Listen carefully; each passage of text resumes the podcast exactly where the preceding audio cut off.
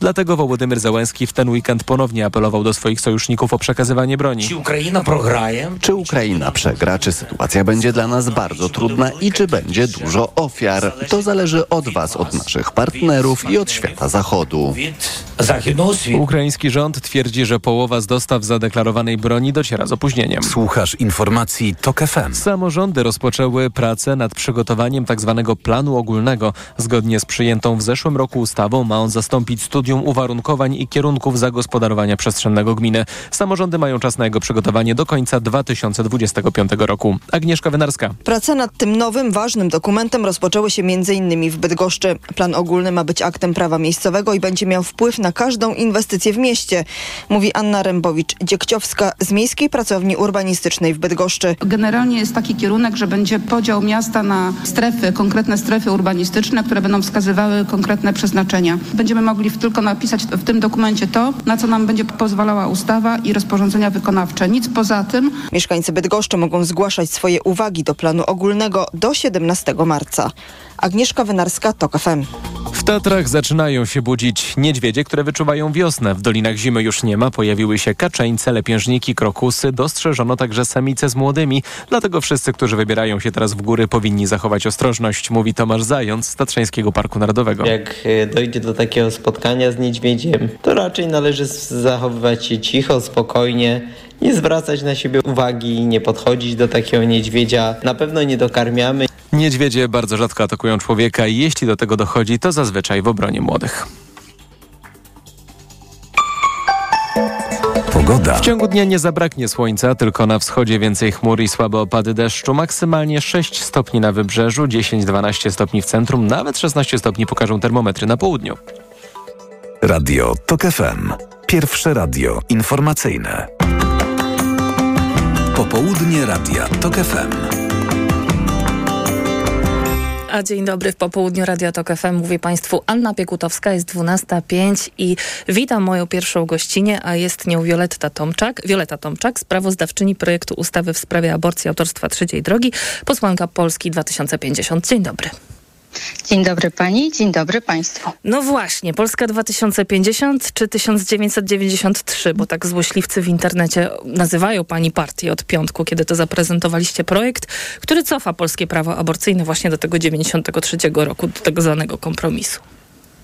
Zdecydowanie Polska 2050 i Polska 2050, która realnie patrzy na to, co dzieje się w Polsce w 2024 roku, jaki mamy, jakie mamy zaplecze polityczne, jakiego mamy prezydenta, jakie mamy wyroki Trybunału Konstytucyjnego e, i jak realnie możemy pomóc Polkom i Polakom, a zwłaszcza Polkom poczuć się w Polsce bezpiecznie.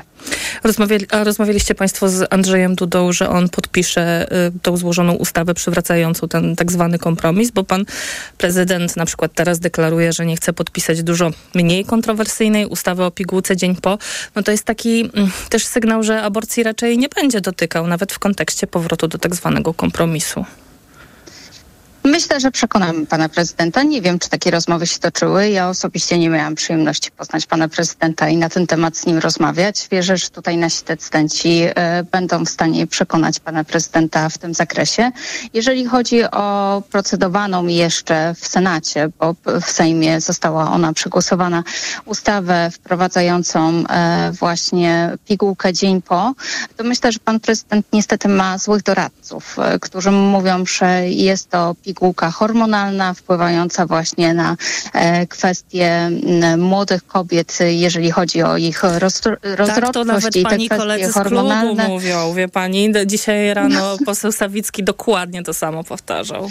A to akurat pan poseł Sawicki nie jest moim klubie. Myślę, że moi koledzy i koleżanki z Polski 2050 są bardzo mocno wyedukowani i tutaj jako wiceprzewodnicząca Sejmowej Komisji Zdrowia mogę ich wspomóc w tym zakresie, jeżeli mają e, jakieś jakieś wątpliwości e, i mam nadzieję, że pan prezydent zmieni zdanie i to, co ewentualnie gdzieś powiedział, e, zostanie, zostaną te wątpliwości rozwiane, ponieważ e, ta pigułka ma dopomóc właśnie w tym newralgicznym momencie, kiedy kobieta e, no, ma taką potrzebę, ponieważ, no nie wiem, źle obliczyła swoje dni płodne, Jasne, cokolwiek złego się, się wydarzyło i, i tutaj nie ma czasu pójść do lekarza po, po receptę, a z kolei jeżeli incydentalnie e, ta pigułka będzie stosowana, a nie jako e, naturalna, znaczy nie jako taka regularna antykoncepcja, tylko jako antykoncepcja awaryjna, to z całą pewnością nic jej nie zagraża. Zostawmy antykoncepcję na chwilę, wrócimy do niej, bo też mają Państwo te, y, swoją ustawę na ten temat, ale do aborcji, bo Pani jest za liberalizacją y, prawa aborcyjnego do 12 tygodnia ciąży, tak przynajmniej deklarowała Pani w mediach wcześniej.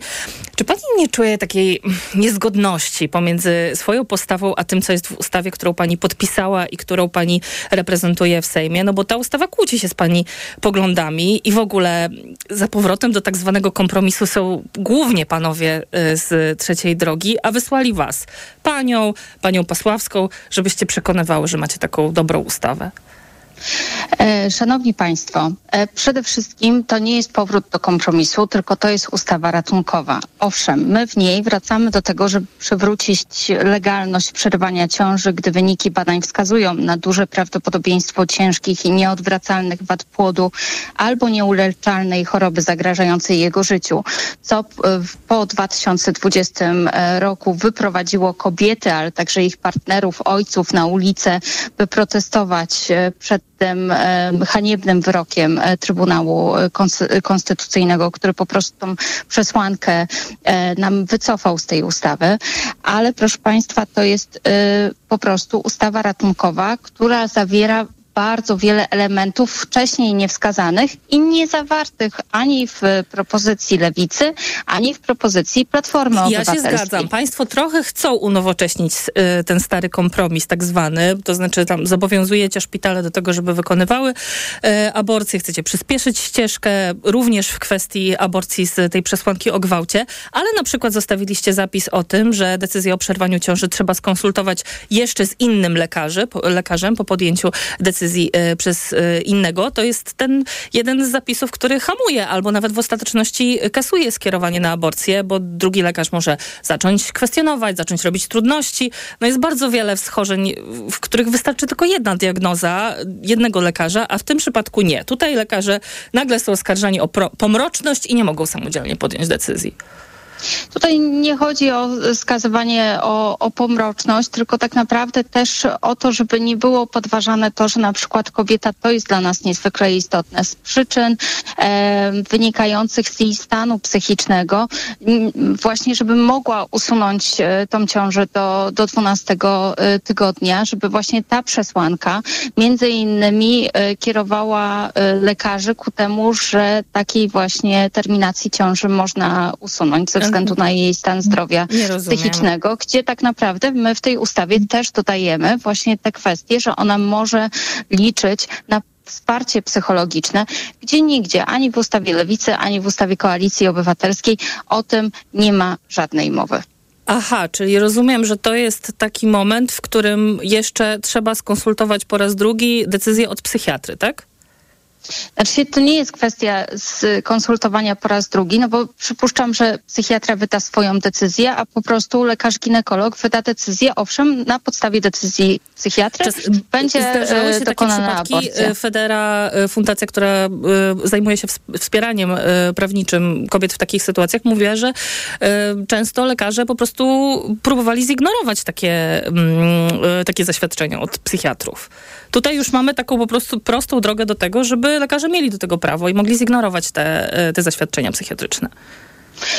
Wierzę w to, że lekarze w obecnej sytuacji politycznej zupełnie inaczej będą e, w ogóle podchodzili e, do tematu bezpieczeństwa kobiet, do tematu właśnie stanowienia przez nie tych decyzji o, o własnym zdrowiu i życiu i o tym, czy ewentualnie w momencie, kiedy są do tego przesłanki, właśnie można było usunąć ciążę. Przy obecnym takim zapleczu politycznym, to co wspomniałam na samym początku, uważam, że w tym momencie niestety nie jesteśmy w stanie bez referendum silnego mandatu społecznego ku temu, żeby również pan prezydent podpisał taką ustawę, e, która będzie gwarantowała Polkom decydowanie o własnym zdrowiu i życiu i o tym, czy chcą być w ciąży do 12 tygodnia.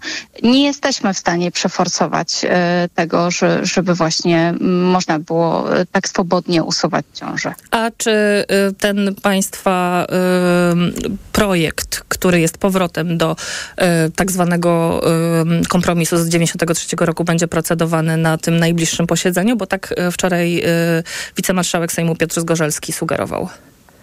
Jeżeli e, przejdzie całą ścieżkę, my go w piątek złożyliśmy, e, muszą być wydane do niego, e, rozumiem, opinie Biura Analiz Sejmowych, które będą się odnosiły do tego projektu. Czyli Jeżeli te opinie będą gotowe, to przypuszczam, że pan marszałek, z tego co z nim rozmawiałam, jest zdecydowany właśnie jak najszybciej wprowadzić wszystkie te trzy a także i czwartą o dekryminalizacji e, aborcji ustawy pod obrady, z tego co rozumiem, specjalnej e, komisji która po prostu miałaby się zająć równolegle tymi wszystkimi projektami, żeby można było właśnie w jednym czasie, w jednej przestrzeni e, przez jednych wydelegowanych przez kluby parlamentarzystów o tym wszystkim e, decydować, e, tak żeby również opinia społeczna, opinia publiczna nie, no miała pełny obraz tych projektów, które zostały wprowadzone do Sejmu. Pani posłanko, a gdzie jest wniosek o referendum? Bo miał być z ustawą miał być z ustawą. Tak naprawdę niestety nie mamy przestrzeni na to, żeby robić, yy, znaczy procedować pytania referendalne w panelu obywatelskim, co było naszym Obietnicą marzeniem. Wyborczą. Nie, to była obietnica wyborcza. Państwo o tym mówili w kółko w, e, w kampanii wyborczej, o tym, że e, nie będą się wypowiadać na temat pytań, że to trzeba oddać ekspertom, trzeba to oddać panelowi obywatelskiemu. Nie, czyli pan Kosiniak-Kamysz z panem Hołownią będą wymyślali pytania. Znaczy, nie, nie jestem pewna, czy to pan e, e, przewodniczący Kosiniak-Kamysz, premier Kosiniak-Kamysz, czy też marszałek Hołownia będą wymyślali te, te pytania, e, ale szczerze powiedziawszy, niestety no, przy tym, jak dwa dni po w ogóle no, ustanowieniu nowego składu Sejmu Lewica położyła na stół swój projekt dotyczący właśnie aborcji. Owszem, go uzupełniała przez dwa miesiące, jeżeli chodzi o uzasadnienie. Teraz koalicja Obywatelska, no to dopełnieniem tego naszego, tej naszej myśli politycznej, jeżeli chodzi o zajęcie się kwestiami aborcji, owszem, jest e, projekt uchwały o referendum i w nim muszą być już e, zawarte pytania, czy też jedno pytanie referendalne. Zobaczymy, jak to będzie. Liczę na to, widzę, widzę że te prace są bardzo mocno zaawansowane i liczę na to, że w najbliższej przyszłości ten projekt uchwały będzie e, również złożony do laski marszałkowskiej. A ja myślę, że państwo nie chcą robić panelu obywatelskiego e, w sprawie pytań, bo jeszcze nie daj Boże wyszłoby tam, że Polacy referendum wcale nie chcą i nie chcą na niego iść. Nie, myślę, że, że Polacy jak najbardziej chcą decydować o tak ważnej sprawie y, jak aborcja, która bardzo mocno dzieli y, Polki i Polaków, bo owszem, poszliśmy bardzo tłumnie do wyborów i bardzo mocno się cieszę z tego i bardzo wszystkim serdecznie za to dziękuję, że 15 października e, stawili się w lokalach wyborczych tak i oddali swój głos, ale nie wybrali jednoznacznie e, jakby jednej opcji politycznej, która jest na przykład za tym, żeby dopuścić e, legalnie aborcję do 12 tygodnia ciąży. Więc e, tutaj myślę, że ten temat akurat dzieli Polki i Polaków. I tak jak ale, wspomniałam, ale, a skąd jest to przekonanie y, Polski trzeciej drogi? Skąd to przekonanie u państwa, że Polacy chcą tego referendum? Rozmawiamy z Polkami i Polakami. Tak jak było w kampanii wyborczej, teraz rozpoczynamy kampanię samorządową. Między innymi rozmawiamy na ten temat e, i wiemy, że owszem, część e, wyborców zagłosowała na nas, koalicję obywatelską Lewicę, Prawo i Sprawiedliwość czy Konfederację z powodu konkretnych działań, które każda z tych opcji politycznych chciała zagwarantować Polkom i Polakom, ale nie mogą powiedzieć, że w stu procentach zgadzają się akurat z linią polityczną tej czy innej partii.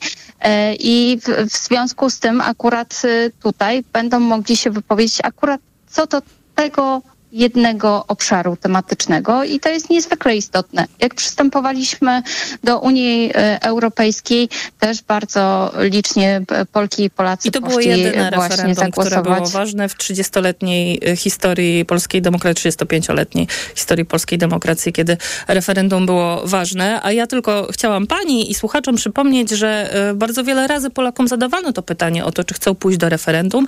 I tak w lutym badani przez IBRIS na zlecenie Rzeczpospolitej Rzeczpospolitej. To badanie pokazało, że tylko 16% respondentów opowiada się za referendum. W listopadzie opublikowano sondaż United Surveys dla DGP i RMF, gdzie to było 12,5%. Też było takie badanie More in Common i tam było największe poparcie dla referendum. E, to było realizowane w grudniu i tam e, głosy popierające zorganizowanie referendum i przegłosowanie ustawy przez Sejm rozłożyły się porówno i obie opcje mm, uzyskały 35%. Wierzę, że w tej e, obecnej sytuacji politycznej naprawdę y, również przy procedowaniu właśnie przez tą specjalnie powołaną komisję wszystkich ustaw y, dotyczących aborcji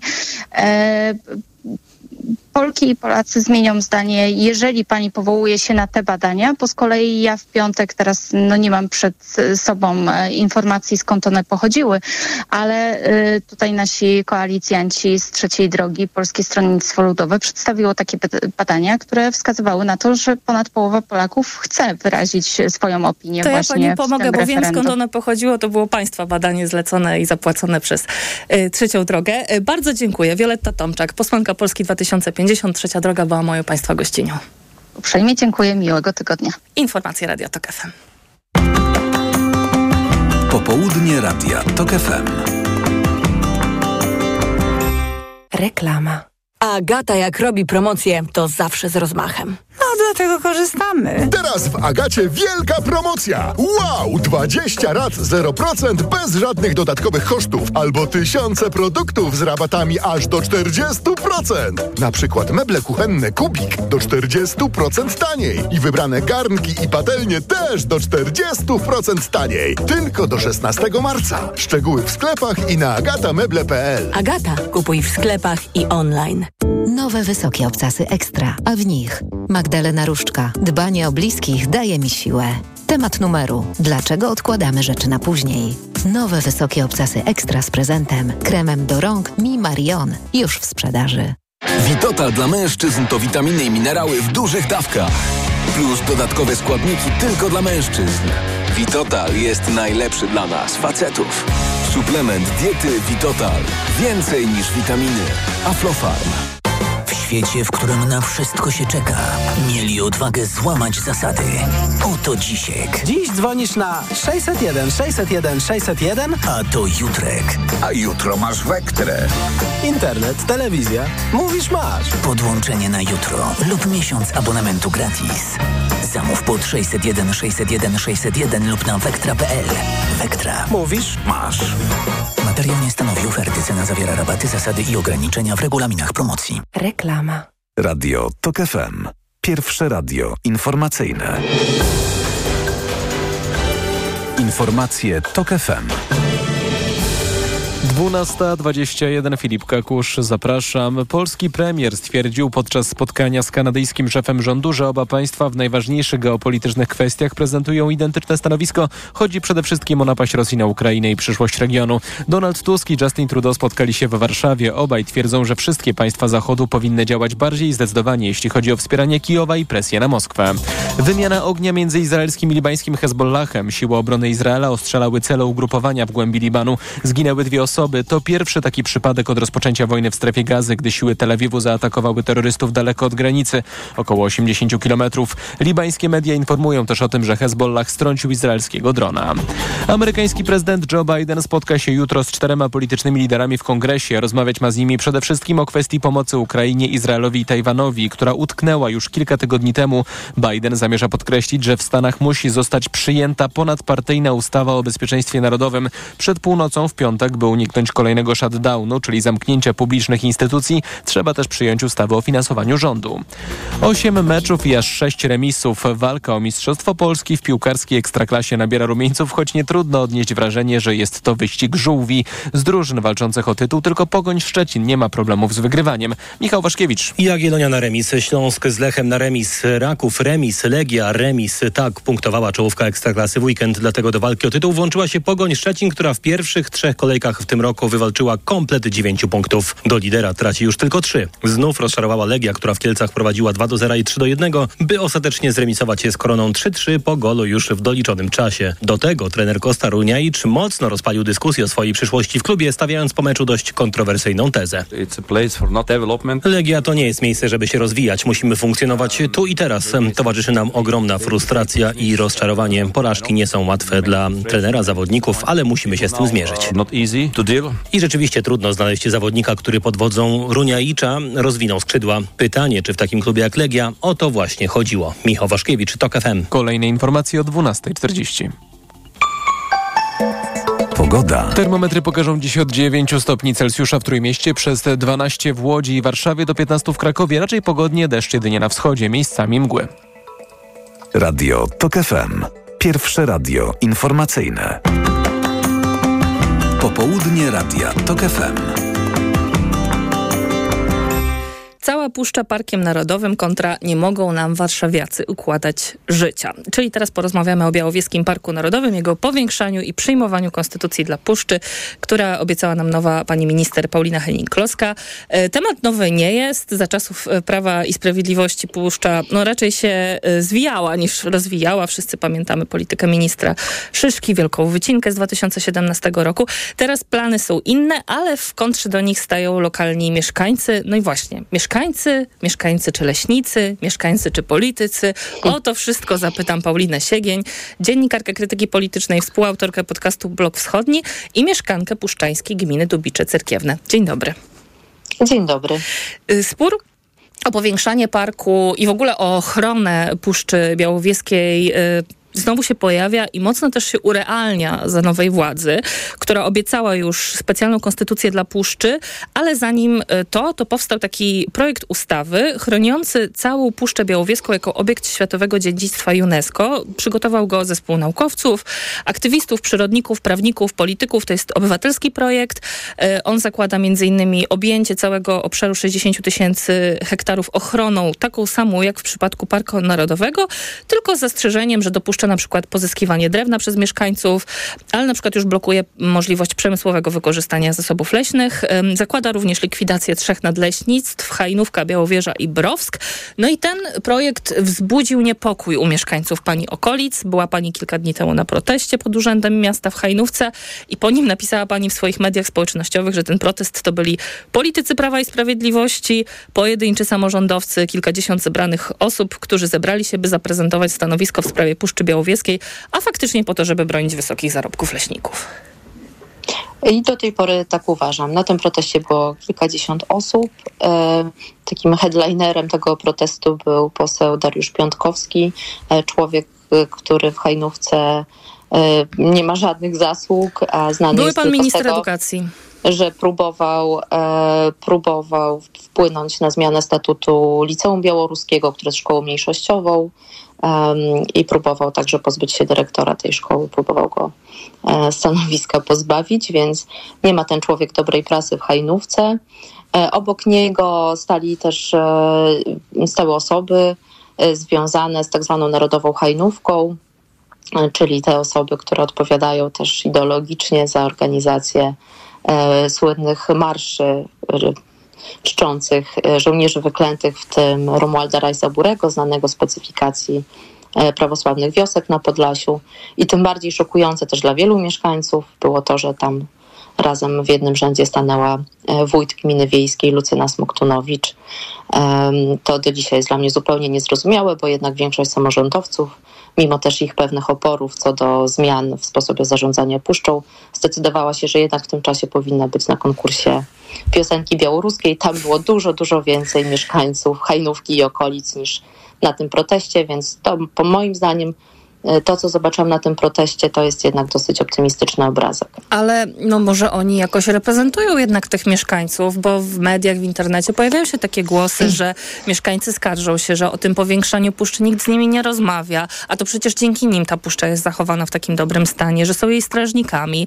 E, no i też boją się tego, że jakiekolwiek rozszerzanie tej ochrony nad puszczą, jakiekolwiek ono by nie było, no to utrudni im, im życie, że utrudniona będzie działalność gospodarcza, boją się wywłaszczeń. Tak, to, to, to, trzeba byłoby po kolei tutaj rozbrajać te wszystkie punkty. Po pierwsze, pojawił się projekt ustawy, tylko projekt. To nie jest e, projekt, który już w tej chwili wchodzi do Sejmu, będzie głosowany, e, zatwierdzany i, i, i, będzie wchodzić w życie. Właściwie dopiero się rozpoczną nad nim prace i konsultacje, więc ja tą taką postawę wzbudzania tutaj bardzo dużego strachu na temat skutków tego projektu oceniam jako po prostu sposób na bojkot jakiejkolwiek dyskusji na temat przyszłości regionu. E, regionu, który ma potworne problemy społeczno-ekonomiczne, jest e, najszybciej wyludniającym się regionem w Polsce, e, w bardzo głębokim kryzysie demograficznym. Ten trend jest bardzo trudno już w tej chwili odwrócić. E, I ten region rzeczywiście wymaga jakiegoś namysłu, wizji rozwoju, planów, konkretnych planów. Niestety my tutaj takich planów jako mieszkańcy od naszych też rządzących tutaj samorządowców nie otrzymujemy. Czyli jest opowieść o tym, że umacnianie ochrony to jest, y, równa się straty dla ludności, ale nie ma kontropowieści, nie wiem, na przykład o jakichś pieniądzach, które popłyną dzięki turystyce, czy dofinansowaniu w przypadku większej ochrony, czy rozszerzeniu parku. Ja bym powiedziała, że y, lokalne władze i też na pewno przedstawiciele lasów państwowych nie są w ogóle zainteresowani na przykład rozwojem działalności turystycznej, nie wspierają jej w żaden sposób, e, nie interweniowali w tej sprawie w czasie najtrudniejszym tutaj dla różnego rodzaju inicjatyw turystycznych, czyli w czasie obowiązywania tak zwanej zony. Mm, ja muszę przypomnieć, że przecież przez 10 miesięcy mieliśmy w ogóle wyłączony z życia pas 3 kilometrów od granicy, w tym Białowieże. No Puszcza w ciągu e... ostatnich lat nie ma łatwego życia. I wtedy nikt, nikt nie protestował, e, nikt tutaj nie wychodził na protesty, już na pewno nie, nie ludzie związani z radykalną, nacjonalistyczną polską prawicą. E, mówiąc, słuchajcie, przecież to jest praktycznie właśnie jakiś rodzaj zamachu na, na, na, na, prywatną własność, na wasze majątki, którymi nie możecie zarządzać, bo wprowadzono najpierw stan wyjątkowy, a później taki dziwny stan z zakazem, e, z zakazem jakby wjazdu dla osób postronnych, niezameldowanych, czyli faktycznie na przykład będąc w tej, mając dom w takiej strefie, no nie można było zaprosić gości, były ograniczenia związane w takim razie też z prowadzeniem działalności gospodarczej.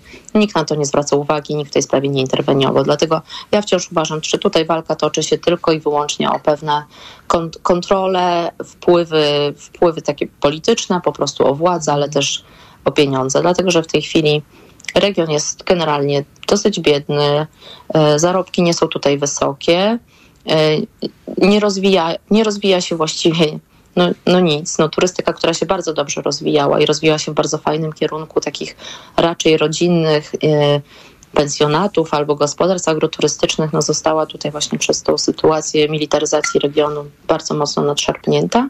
No i tutaj pojawia się bardzo wygodny, zwłaszcza przed wyborami samorządowymi, no e, argument, argument e, puszczy, więc po pierwsze, mamy do czynienia z projektem. Jest czas, żeby do tego projektu wnieść swoje poprawki, żeby rozwiać wszystkie wątpliwości. Tutaj senator Gawłowski już wątpliwości na temat wywłaszczeń rozwiał, bo projekt, czy ten, i domyślam się, że każdy inny, będzie dotyczyć terenów Puszczy Białowieskiej, no, czyli terenów, które należą do Skarbu Państwa i są w zarządzie różnych instytucji, które podlegają e, pod instytucje centralne, więc no tutaj na przykład jeżeli chodzi nie wiem, o likwidację nadleśnic, w sprawie której też są zbierane podpisy wśród mieszkańców. No, no właśnie, wrażenie, bo to wzbudza też jakieś szczególne kontrowersje. Jaką rolę w tym wszystkim odgrywają lasy państwowe? Ja myślę, że odgrywają o, ogromną rolę. No tutaj mamy też e, jeden z leśników, jest kandydatem teraz w wyborach na burmistrza i też robi użytek z całej tej historii w swojej kampanii. No tymczasem, no to myślę, że sprawa jest bardzo prosta. No, lasy państwowe y, y, po pierwsze od 2017 roku utrzymują na ogromnym obszarze puszczy zakazy wejścia do lasu, które też nie pozwalają rozwijać e, tutaj jakiejś działalności turystycznej czy rekreacyjnej w sposób swobodny. E, natomiast ludzie, którzy zostali jakoś tam e, zaangażowani w to, żeby zbierać podpisy. Zresztą słyszałam nawet e, tutaj moja bardzo dobra przyjaciółka powiedziała mi, że jej synowi w szkole w Hajnówce zaproponowano, żeby za pieniądze chodził i zbierał podpisy po ludziach właśnie przeciwko tam właśnie tej likwidacji nadleśnictw, rozszerzaniu parku i tak dalej, i tak dalej. Więc to pokazuje po prostu moim zdaniem z jednej strony poziom determinacji, no z drugiej strony też bardzo wysoki poziom manipulacji, dlatego że chociażby ten projekt ustawy, który tyle emocji wzbudza, on gwarantuje wszystkim pracownikom tych nadleśnictw zatrudnienie albo w tym nowym obiekcie, który miałby powstać, mówię miałby, bo w ogóle nie wiadomo, czy taki projekt zostanie zrealizowany, ewentualnie pracę w sąsiadujących nadleśnictwach. Więc no, wydaje mi się, tymczasem leśnicy grzmią o tym, że oni zostaną wysiedleni. No ja zawsze myślałam, że jeżeli ludzie noszą mundur, no to są na służbie państwowej. Ona ma to do siebie, że po pierwsze można być delegowanym do tej służby w innym miejscu, no a po drugie z punktu widzenia naszego regionu konieczność dojeżdżania do pracy na przykład do sąsiedniej gminy, to nie jest nic nietypowego, to jest raczej codzienność tutaj dla większości z nas. Tutaj są osoby, które dojeżdżają codziennie po 50 kilometrów do pracy, więc nie sądzę, że to jest jakaś forma represji wobec, wobec tej, tej grupy. Wręcz przeciwnie, uważam, że ona się cieszy niezwykłymi przywilejami. Średnie zarobki w lasach państwowych to jest w, bodajże w 2022 roku to były to było 10 441 zł brutto. To są w ogóle fenomenalne zarobki, o których tutaj ludzie mogą marzyć. E, więc, Ale czy no tak. ci leśnicy są aż tak bardzo potężni? No bo mm, tak pa, pani mówi, że to jest spór idealny pod wybory samorządowe, a mnie zastanawia, czy jest jakaś kontra wśród lokalnych polityków. To znaczy, czy są tacy lokalni politycy, którzy y, wspierają większą ochronę nad puszczą? Jakąś, jakaś reprezentacja tych mieszkańców, którzy wiem, stworzą komitet i wystartują w wyborach samorządowych? Są, jest na pewno wielka potrzeba zmian. W tej chwili jeszcze nie mamy do końca, jakby już niektórzy zaanonsowali swój start w wyborach. W Hajnówce będzie dosyć duża konkurencja, jest chyba w tej chwili już pięciu kandydatów na burmistrza. E, są też afery niezwiązane z Puszczą Białowieskiej, które się ciągną za obecną władzą. To są nieprawidłowości w jednym z przedszkoli w Hajnówce. To są też bardzo dziwne decyzje związane z kupnem nieruchomości, kwestia realizacji e, projektów norweskich, które budzą naprawdę bardzo dużo i kontrowersji, ale też niesmaku e, w Hajnówce w okolicy. Wydaje mi się, że wielu mieszkańców dojrzewa do zmian i bardzo tych zmian potrzebuje i, i łaknie. Myślę, że wokół tego się przynajmniej niektórzy kandydaci będą organizować, no bo mamy też trochę właśnie takich kandydatów, którzy raczej będą za zachowaniem status quo, a status quo jest właściwie żaden, bo nie ma wycinki puszczy, jest wycinka lasów gospodarczych w innych częściach tutaj, w innych lasach. To na przykład gmina Dubicze Cerkiewne to ma, z jednej strony jest gminą puszczańską, ale też duża jej część podlega pod Nadleśnictwo Bielsk. E, I tutaj akurat jest prowadzona bardzo intensywna gospodarka, e, gospodarka leśna, co no też wśród mieszkańców też wywołuje opory, co ciekawe. A czy pani mogłaby tak narysować, tylko króciutko, bo kończy nam się czas, e, tą linię podziałów, która przebiega pomiędzy mieszkańcami w pani regionie? Czy to jest właśnie linia, na, która przebiega gdzieś pomiędzy wyborcami opozycji a, a rządzącej koalicji? Czy to jest linia, która przebiega pomiędzy tak zwanymi mieszkańcami napływowymi, nowymi, którzy przyjechali do Puszczy rozpocząć nowe życie, a tymi, którzy są tam od wielu, wielu lat. Czy w ogóle da się to jakoś tak um, włożyć w te, e, w te szuflady? Ja bym nie szukała takiej szuflady, ale mhm. wydaje mi się, że bardzo ważne jest podkreślenie tego, że mieszkańcy Hajnówki przede wszystkim, mieszkańcy tego regionu swój awans społeczny budowali wokół gospodarki leśnej i wokół przemysłu drzewnego, który był w Hajnówce po II wojnie światowej bardzo rozwinięty. I upadek e, przedsiębiorstwa e, tak zwanego hajnowskiego tartaku e, był wielką traumą i wydaje mi się, że to, co my teraz widzimy, to widzimy echa traumy. To znaczy wiele osób sądzi, że gdyby można było ciąć puszczę, to odżyłby ten przemysł drzewny, to by zapewniło miejsca pracy i region by odżył. Ja się obawiam, że to się nigdy nie wydarzy, e, że tą sprawę trzeba zamknąć, trzeba poszukać innych dróg rozwoju. Uważam, że puszcza, chociaż należy formalnie do Skarbu Państwa, to dla nas, dla lokalnej społeczności jest kapitałem, z którego możemy też w inny sposób czerpać zyski, zyski finansowe. Bo dla mnie najważniejsze jest to, i wydaje mi się, że tutaj dla wielu osób w naszym regionie, niezależnie od tego, czy stąd pochodzą, czy przyjechali, najważniejsze jest to, żeby niezależnie od tego, jakie zmiany miałyby się pojawić, czekamy też na propozycje ministerstwa. Jesteśmy też jej ciekawi, jak, jak oni sobie wyobrażają e, przyszłość, żeby zabezpieczyć interesy mieszkańców regionu, rozwój, możliwości rozwoju, finansowanie na pewne niezbędne inwestycje, których niestety już nasze zubożałe samorządy tak swoimi siłami nie są w stanie zrealizować. Bardzo dziękuję. Paulina Siegien, dziennikarka krytyki politycznej, współautorka podcastu Blok Wschodni i mieszkanka puszczańskiej gminy Dubicze Cerkiewne. Bardzo dziękuję za rozmowę i zapraszam Państwa na informacje Radia Tok FM. Popołudnie Radia TOK FM.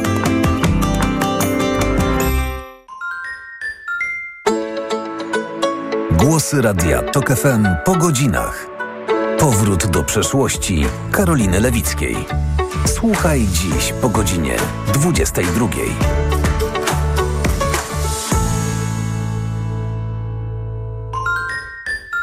Reklama. Wchodzę na wagę i znowu przytyłam. I te napady głodu. Tak, Aniu. I chęć na batonika, i potem spadek energii, i senność. Skąd wiesz? Już to przerabiałam. Okazało się, że miałam wahania poziomu cukru we krwi. Mnie pomógł trisulin. Suplement diety Trisulin to aż trzy ekstrakty roślinne dla wsparcia prawidłowego metabolizmu glukozy. Trisulin to połączenie morwy, kozieradki oraz górmaru, który dodatkowo kontroluje wagę, zmniejszając apetyt na słodycze. Trisulin i cukier w normie. Zdrowit. Biedronka najpopularniejszym sklepem spożywczym w Polsce. Według rankingu popularności sieci handlowych 2024 aplikacji Listonik Biedronka jest numerem jeden wśród sklepów spożywczych w 2023 roku. Jesteśmy dumni, że tego wyboru codziennie dokonują Polacy, świadomi i wybierający najlepsze ceny konsumenci w Europie. Tak, Biedronka najpopularniejszym sklepem spożywczym w 2023 roku. I to dobry powód, by iść do Biedronki. Nowe wysokie obcasy ekstra. Magdalena Różczka. Dbanie o bliskich daje mi siłę. Temat numeru. Dlaczego odkładamy rzeczy na później? Nowe wysokie obcasy ekstra z prezentem. Kwasowym peelingiem do stóp w kremie Nivelacjone. Już w sprzedaży. Stosujesz kapsułki wspierające zdrowie wątroby? Wypróbuj nowość. Esselif 600. Dlaczego? Esselif 600 to aż 600 mg